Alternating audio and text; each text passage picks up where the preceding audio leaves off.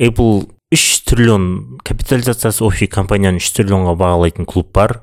Сол үш триллион клубта қазір екі ақ компания бар екен әлемде оның біреуі майкрософт біреуі apple болып саналады. Майкрософт жақында ғана қосылды. Еще майкрософт осыдан бір үш төрт күн бұрын бірінші орынға шыққан эпплдан озып кетіп ше капитализациясы озып кетіп. Енді ойлаймын да ше бүкіл әлем бойынша осы үш ақ компания бар сияқты да ше қалған бір андай.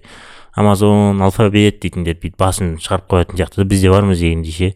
Ема ойлашы үш триллион тұрады үш триллион теңге емес доллар тұрады дағы ше емай аналар американың алтыдан бір или бестен бір пайыз нетін еді ввпсына жауап беретін кісілер болып тұр ғой если на то пошло сдача қазақстан сатып алатын жігіттер ғой бірақ ә, бір қызық факт ә, apple сооснователі яғни главный основательдердің бірі стив джобс өмірде жоқ ал майкрософттың соосновательдері главный основательдердің бірі билл гейтс әлі өмірде тірі и при делах қой ол майкрософттан уже кетіп қалды дейді бірақ акциясы бар.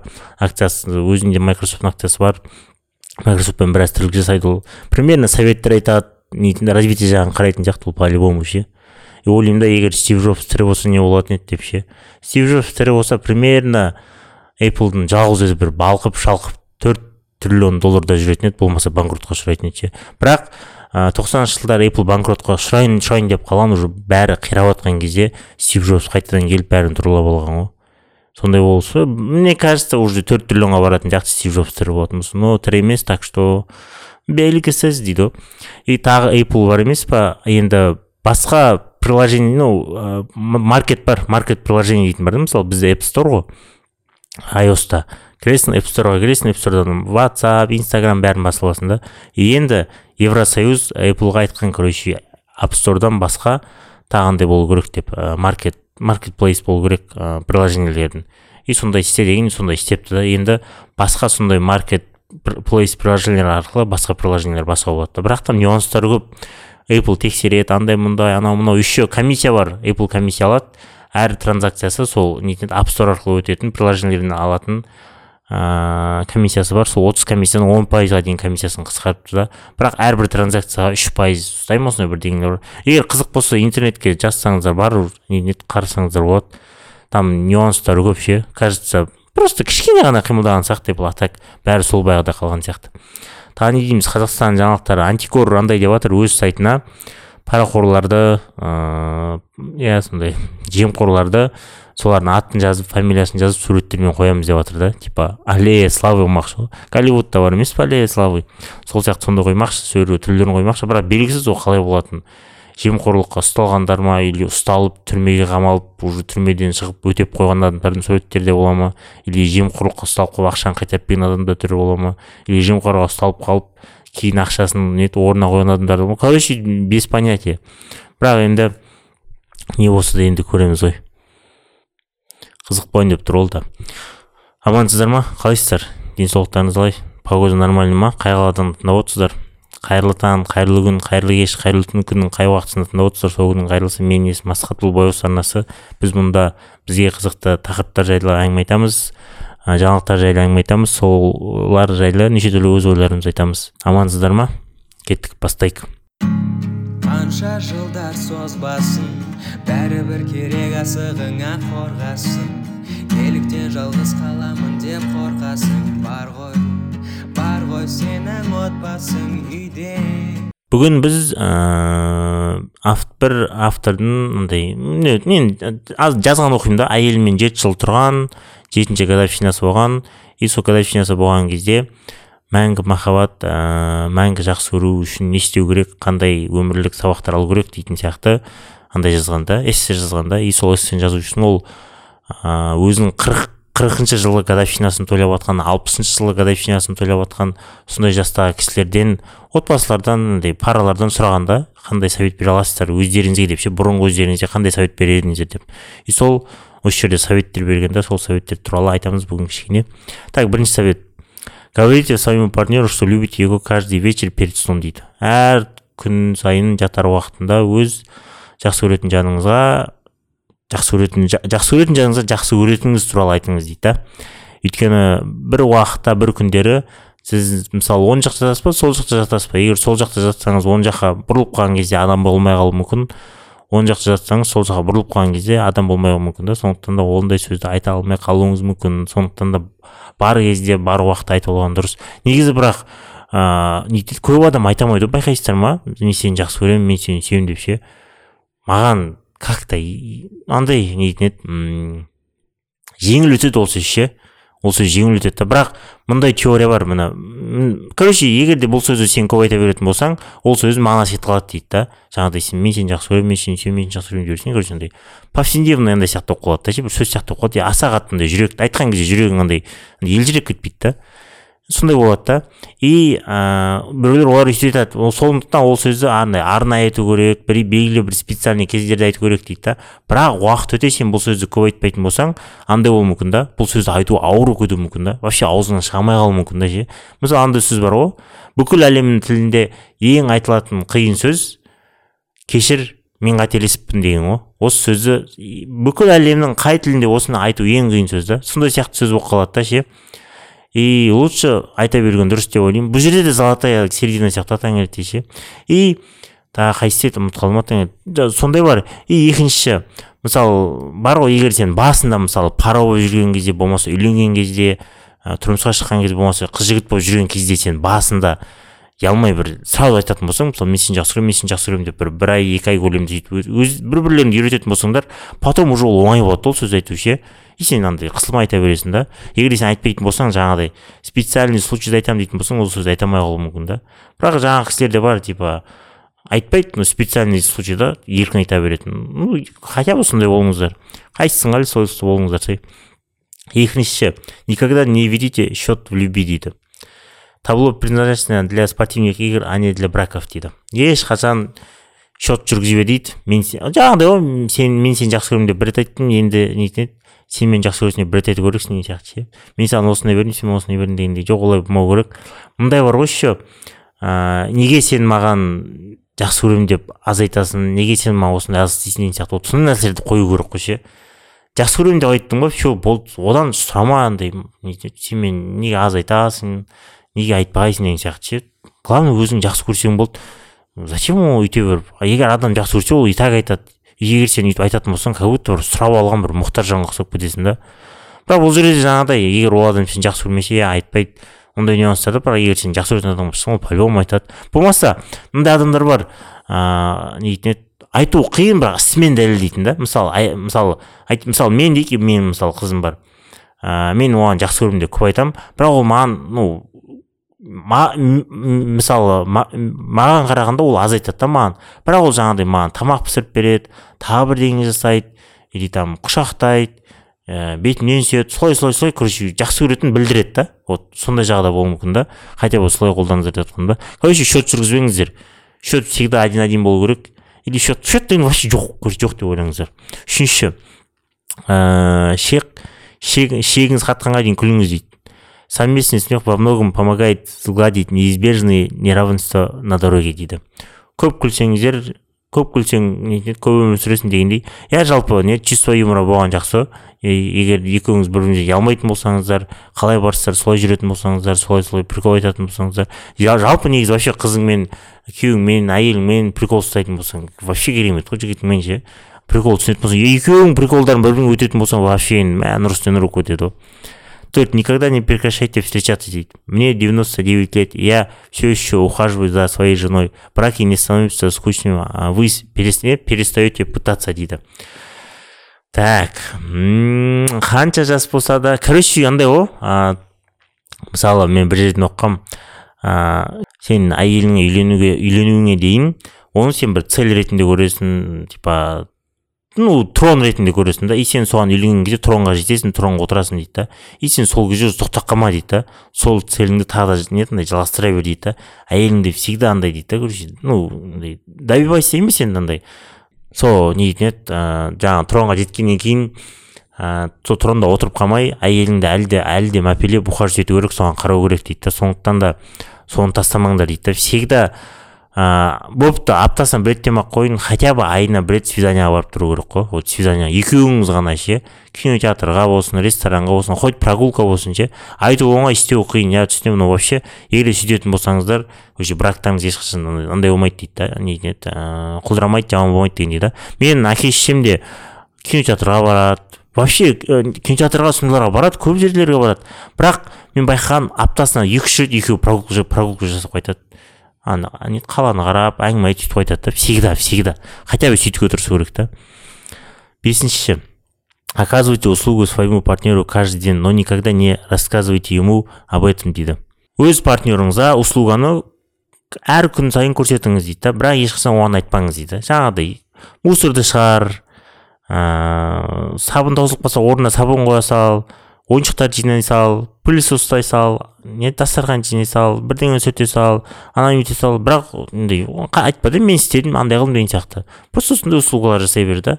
И сондай маленький маленький услугалар кейін сіздерге өте қатты әсер етеді дейді да. Жалпы андай не дейтін еді? Бөлінбеу керек та короче. Мынау сенің тірлігің мынау менің тірлігім егер екеуіңіз істей алатын болсаңыздар ну істей аласыз уақытыңыз бар болса онда істей салған дұрыс та. Алтыншысы уақыт емдемейді дейді. Ә, когда дело доходит до отношений. Қарым қатынасқа келген кезде уақыт емдемейді. Ең қиын әңгімелерді кейінге қалдырмаңыз дейді. Мен бір сөз оққам ә, жақсы керемет қарым қатынас үшін жаман ыңғайсыз әңгімелер керек дейді да вот.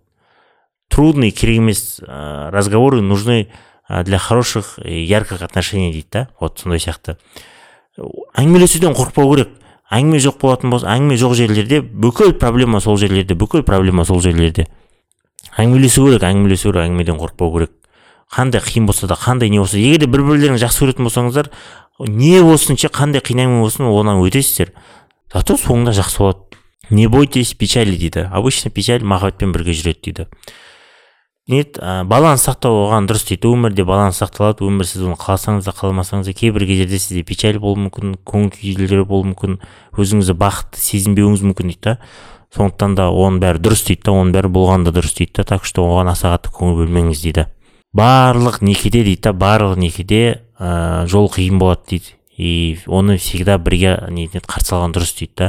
Жолда қандай қиындық болса да қандай жаман нәрселер сәттер болатын болса да бір біріңізге опора болыңыздар бір бірлеріңізді қолдаңыздар дейді да. И сол жолды екеуіңіз бірге өтіңіз дейді. Не всегда может быть 50 на 50 дейді. Иногда это будет 90 на 10 иногда 10 на 90 важно только что что сумма получается 100 дейді. Ешқашан елу елу болмайды. Біз ойлаймыз ғой ыыы не дейтін еді елу елу болу керек деп ше отношениеге. Не дұрыс отношениеге екеуі де күш салу керек екеуі де күш салу керек. Общий принцип общий понятиені алатын болсақ общий картина алатын болсақ екеуі де күш салып жатыр отношениеге екеуі де теңдей күш салып жатыр. Бірақ кей уақыттарда мысалы біреу ауруы мүмкін біреуінің көңіл күйі болмауы мүмкін еще тағы бір деген нәрселер болуы мүмкін да. Сол кезде мысалы сен мысалы менің қызым бір, бір жерлері бір, ну, бір, бір жағдай болатын болса оны зауқымайтын болса мен тоқсан пайыз салу керекпін ол он ақ пайыз салады. Если тағы мысалы өмір ғой менде де бірдеңе болады да. Егер де менде ә, ондай зауқым болмайтын кезде қызым маған тоқсан салады а мен оған жүз саламын а соңында по любому жүзі болады. Ал общий картинаны қарайтын болсақ екеуміз елу елу салып жатырмық сондай сияқты да.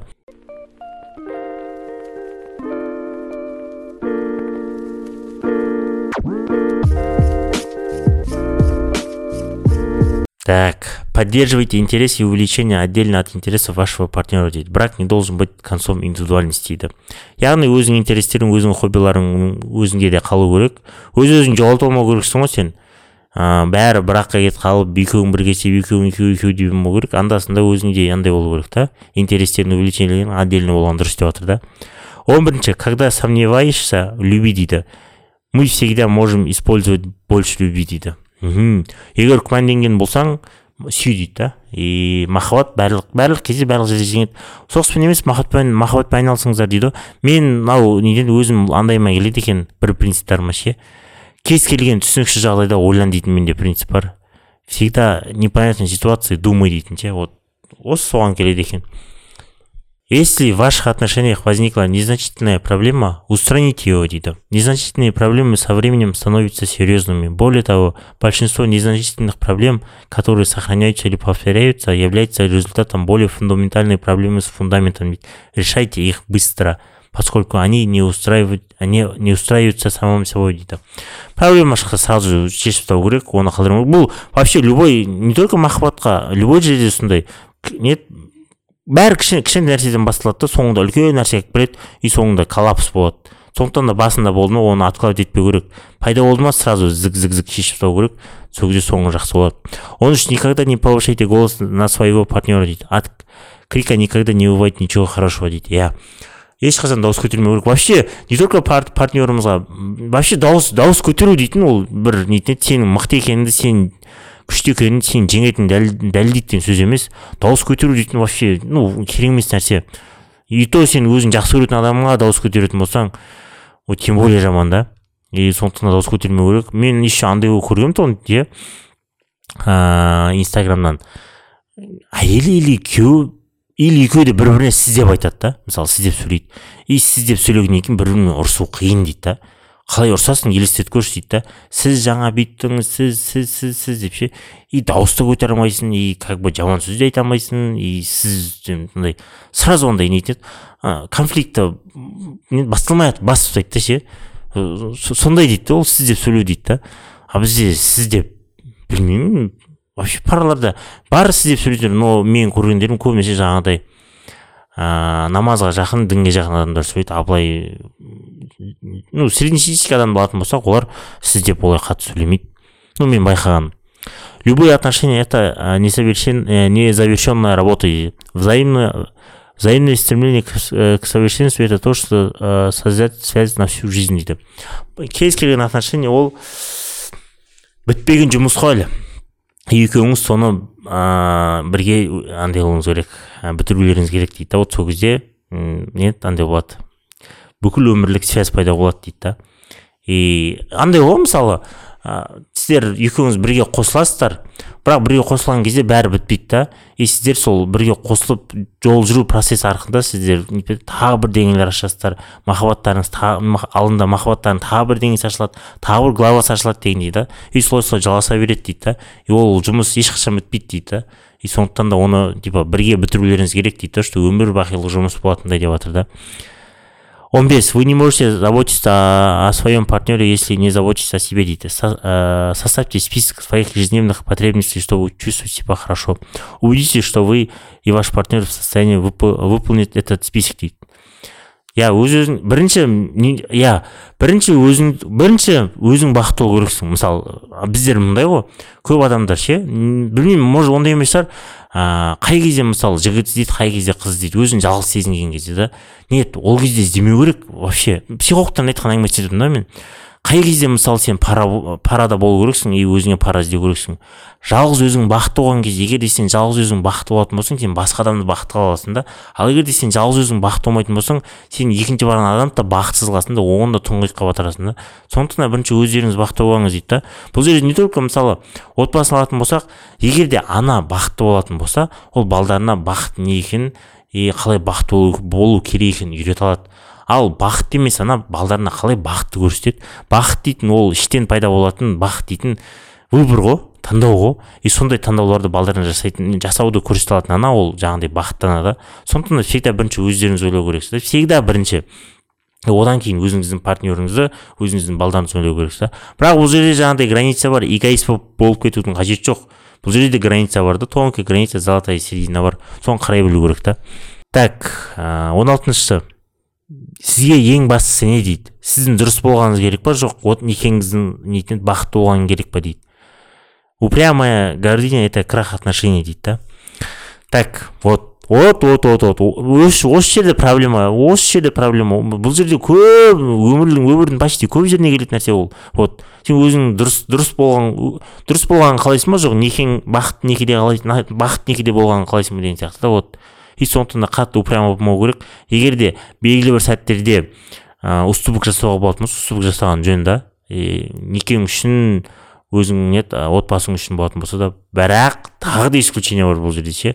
Жаңағыдай если мен бір жерде мысалы менікі дұрыс болып тұр дұрыс емес бірақ мен сонда да мақұл деп келісіп сондай сондай келістім и бәрі бітті екеуміз тату тәтті сондай қылып да бірақ кейін қыз или ер адам өзі ойланса жақсы да а менікі дұрыс болмапты ендігіде мен осылай істейін осылай осылай істейін осылай істемейін деген сияқты ше бірақ обычно бұндай болмайды көбісінде или білмеймін енді егер де бар ғой мысалы не дейді адамбыз ғой енді пендеміз ғой егер де жаңағы мысалы мен де мақұл мақұл деп келте беретін болсам упрям емес енді кейбір жерлерде мақұл мақұл деп андай мақұл мақұл дей беретін болсам и былай айтатын болды басқаша болуы мүмкін да. И как бы сен істей алмай қоюы мүмкін да. Жаңағыдай мен всегда прав мен всегда прав болғанмын деген сияқты әңгімелер өтуі мүмкін да сондықтан да ол жерде де андай нюанстар бар.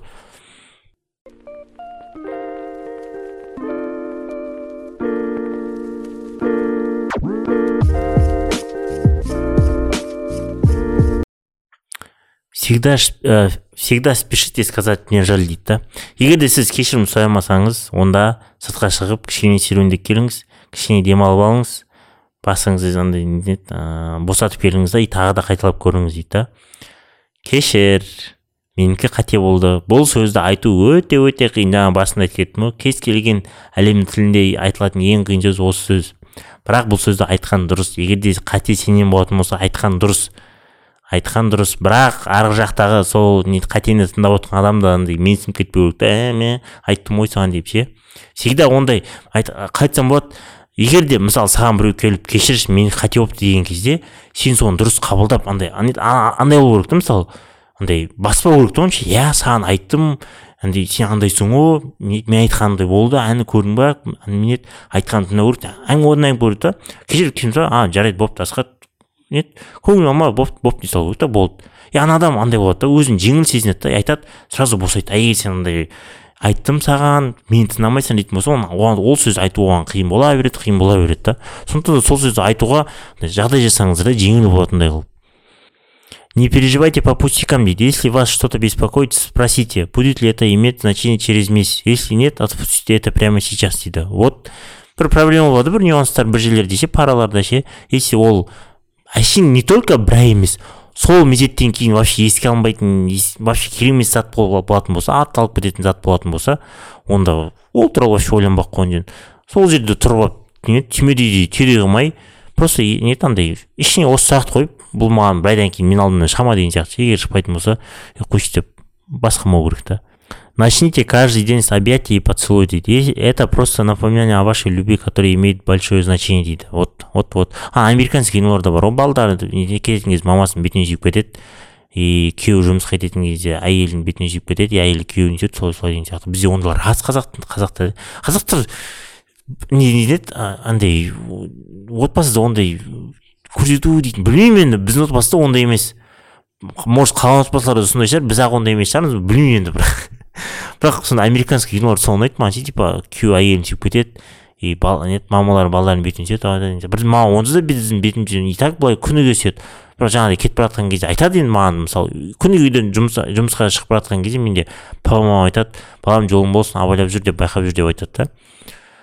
А мама үйде әшейінде жүргенде сүйе береді бірақ андай жаңағыдай емес та типа түсініңіздер короче.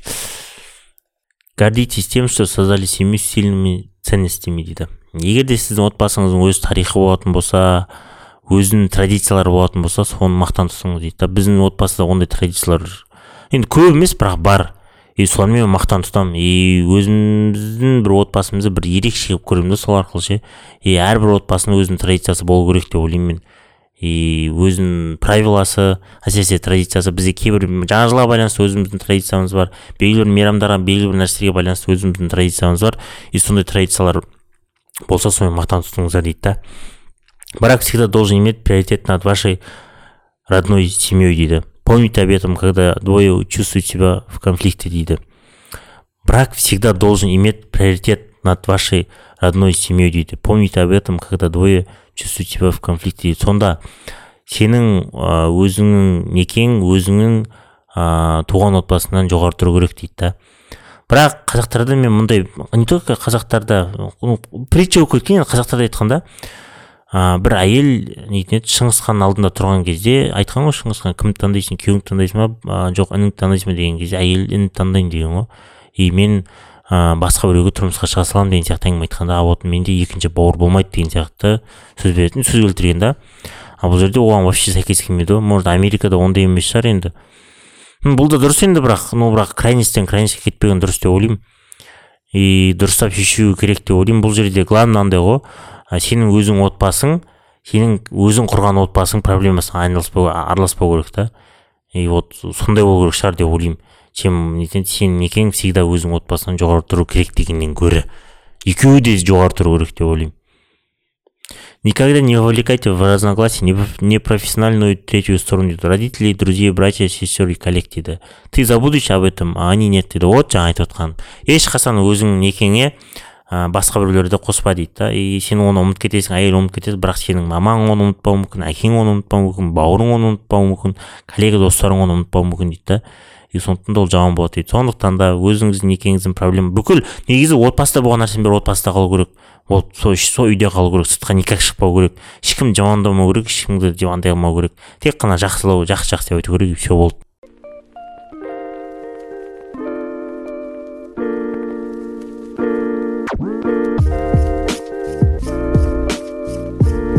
Продолжайте делать мелочи дейді записки под подушкой букет сюрприз поцелуй в щеку романтика никогда не выходит из моды дейді вот вот вот вот вот вот ең керек нәрселер мен енді мақтанған емес бірақ мен хат нормально жазамын. Мен хатты енді мықты жазып қоямын мен. Тфай тфай құдайға шүкір аллаға шүкір. Вот мен әйелім солай қуантатын шығармын хат жазып солай солай запискамен сондай нәрсемен. Сіздерде бір бір бір бір, бір нәрседен күшті ғой бір. Мен білмеймін енді әйелім мені қалай қуантатынын алла қаласа. Бірақ енді әркім өзінің бір күшті жерлері бар ғой. Вот сол соны пайдаланып сөйтіп мелочьпен қуантып отырыңыздар да.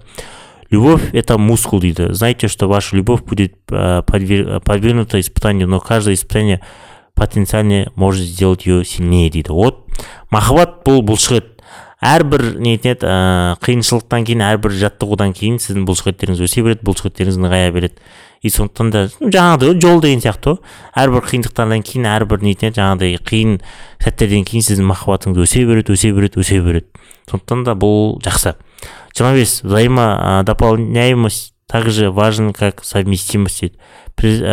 Предоставьте друг другу пространство для лидерства в разных областях ваших отношений дейді. Взаимодополняемость также важно как и совместимость дейді. Әйелің ә, жақсы істей алмайтын нәрсені сен жақсы істей алатын болсаң онда сен өзің андай не етеді инициативаны өзің ол алып соны істеуге тырысу керек. Егер де сен бірдеңені жақсы істей алмайтын болсаң бір әйелің жақсы істей алатын болса әйелің сол инициативаны өзіне алып соны жақсы бітіру керек деп жатыр да. И бұл совместимость бұл андай да взаимодополняемость болып табылады да. Екеуіңіз командасыздар да. И сөйтіп қосылу арқылы сіз екеуіңіз күшті боласыздар. И бұл да дұрыс нәрсе дейді. Жиырма алты твоя любовь принадлежит тебе дейді забудьте об одобрении других вы не сможете сделать счастливым, счастливыми всех дейді примите это и обнимите друг друга дейді вот. Твоя любовь принадлежит тебе дейді забудьте об одобрении других. Вот иә сен қандай адамды жақсы көресің қандаймен бірге боласың тек саған ғана байланысты. Ол адаммен тұратында сен ол адаммен тамақ ішетінде ол адаммен сөйлесетінде ол адаммен бүкіл өміріңді өткізетін тек қана сен. Сондықтан да басқа адам айтқанын тыңдама дейді да. Мен интернеттен оқығанмын ә, пәленбай мың рет тамақ ішетін пәленбай мың рет сен күніге дауысын естисің пәленбай мың рет ә, шытырман оқиғаға баратын приключениеге баратын пәленбай сағат телевизор қарайтын пәленбай рет нетін еді ә, тамақ тамақ емес нетін еді ә, жаңалық айтатын пәленбай рет нетін еді сенің киіміңді ұстайтын пәленбай рет сені құшақтайтын адам адам ол сенің әйелің дейді да сондықтан да әйелің болмаса күйеуің дейді да сондықтан да сол адамдар дұрыстап таңдау керек дейді да вот сол сияқты да. И сен басында ойлау керексіз да что мен бұл адаммен жиырма мың не жиырма мың рет тамақ жеймін деген сияқты вот жиырма мың рет мен тамақ жеуге дайынмын ба бұл адаммен ше? жиырма мың рет түрін көріп отырады деген сияқты мен бұл адаммен жиырма мың рет басқа елдерге приключение жасаймын бұл адаммен жиырма мың рет приключение жасауға дайынмын деген сияқты. Вот сондай сұрақтар қойып сөйтіп істеңіз деп жатыр да. Жеті дейді чтобы быть замечательным не обязательно все должно быть идеально дейді идеальные отношения никогда не было но было много замечательных дейді басқа адамдардың мындайына қарамаңыздар деп отыр. Бұл жерде ше қысқа айтатын болсақ ә, отношениелеріне типа біреулер өйстіп жатыр неге өйтеді біз неге өйтпейміз аналар бүйтеді біз бүйтеміз. Ондай нәрсе айтпаңыз дейді да. Идеальный отношение болмайды дейді жаңағы телевизордегідей ше кинодағыдай басқалардағыдай ше әркім әркімге әркімнің өзінің отношениесі идеально идеальностьмен минусымен келеді да. И сондықтан да сіз олардың тек қана минус плюстарын ғана көріп жатырсыз минустарын көрмеген шығарсыздар. И сондықтан да сізге күшті болып көрінуі мүмкін да. Бірақ оларда да ну так себе. Оларда да не шкафтарында скелеттер бар көрсетіп жатқан жоқ. Сондықтан да өйтіп қатты беріле бермеңіз да.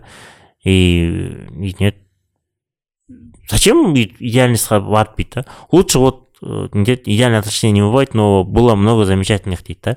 Керемет отношениялер болады бірақ идеальный емес. Арасында ұрыс керіс болады бірақ общий понятие общий картинаны қараған кезде сіздер бақыттысыздар все что тебе нужно это любовь дейді. Мой любимый совет дейді. Саған не керек өмірде? Вот махаббат дейді. Когда сомневаетесь люби мы всегда можем использовать больше любви дейді. Жаңағы бір айтқан ә, советтердің бірі ғой вот ыыы махаббатпен айналысыңыздар соғыспен айналыспаңыздар бір кісіге айту керек еді оны көршімізге. А былай осы жиырма жеті совет болды бұл махаббатқа жайлы. Өз махаббаттарыңызды сағыңыздар бұны мен көп подкаст жайлы айта беремін. Жалпы өмірлік сабақ деген осы и сіздерге сұрақ қояйын мен соңына таман. Осы аптада маған бір адам сұрақ қойды да бір сөзбен өзіңнің күшті жағыңды айта аласың ба? дейді да бір сөзбен. Бір сөзбен. Мынандай жаңағыдай емес. Мен енді не ақ көңілмін ыыы мейірімдімін мықтымын ақылдымын кешірімшілмін деген оны емес. Бір сөзбен айтшы дейді да өзіңнің ең күшті заңың бір сөзбен дейді да мен жауап бере алмай қалдым. Әлі күнге дейін ойланып жүрмін ше. Вот сіздер де айта аласыздар ма? Өзіңіздің ең мықты жағыңыз өзіңіз вообще мысалы жоқ өзіңізді бір сөзбен таныстырыңызшы бір сөзбен вот бір сөзбен өзіңізді таныстырыңыз. Вот сұрақты солай иә өзіңізді бір сөзбен таныстырыңыз. Ол қандай сөз? Айта аласыздар ма? Вот осы сөзге ойлаңыздар ендігі аптаға дейін ендігі аптада көрісеміз все жиырма жеті махаббатқа арналған советтер осы болды. Махаббаттарыңыз мәңгі болсын махаббаттарыңыз өшпесін махаббаттарыңыз всегда жарқырап айдай жарқырап тұрсын. Махаббат жаңағыдай жиырма мың рет тамақ ішетін жиырма минут приключениеге баратын әйелдеріңізді күйеулеріңізді дұрыс таңдаңыздар таңдасаңыздар сол кісілермен бақытты болыңыздар. Давайте аман болыңыздар. Қанша жылдар созбасын бәрібір керек асығыңа қорғасын. Неліктен жалғыз қаламын деп қорқасың. Бар ғой бар ғой сенің отбасың үйде.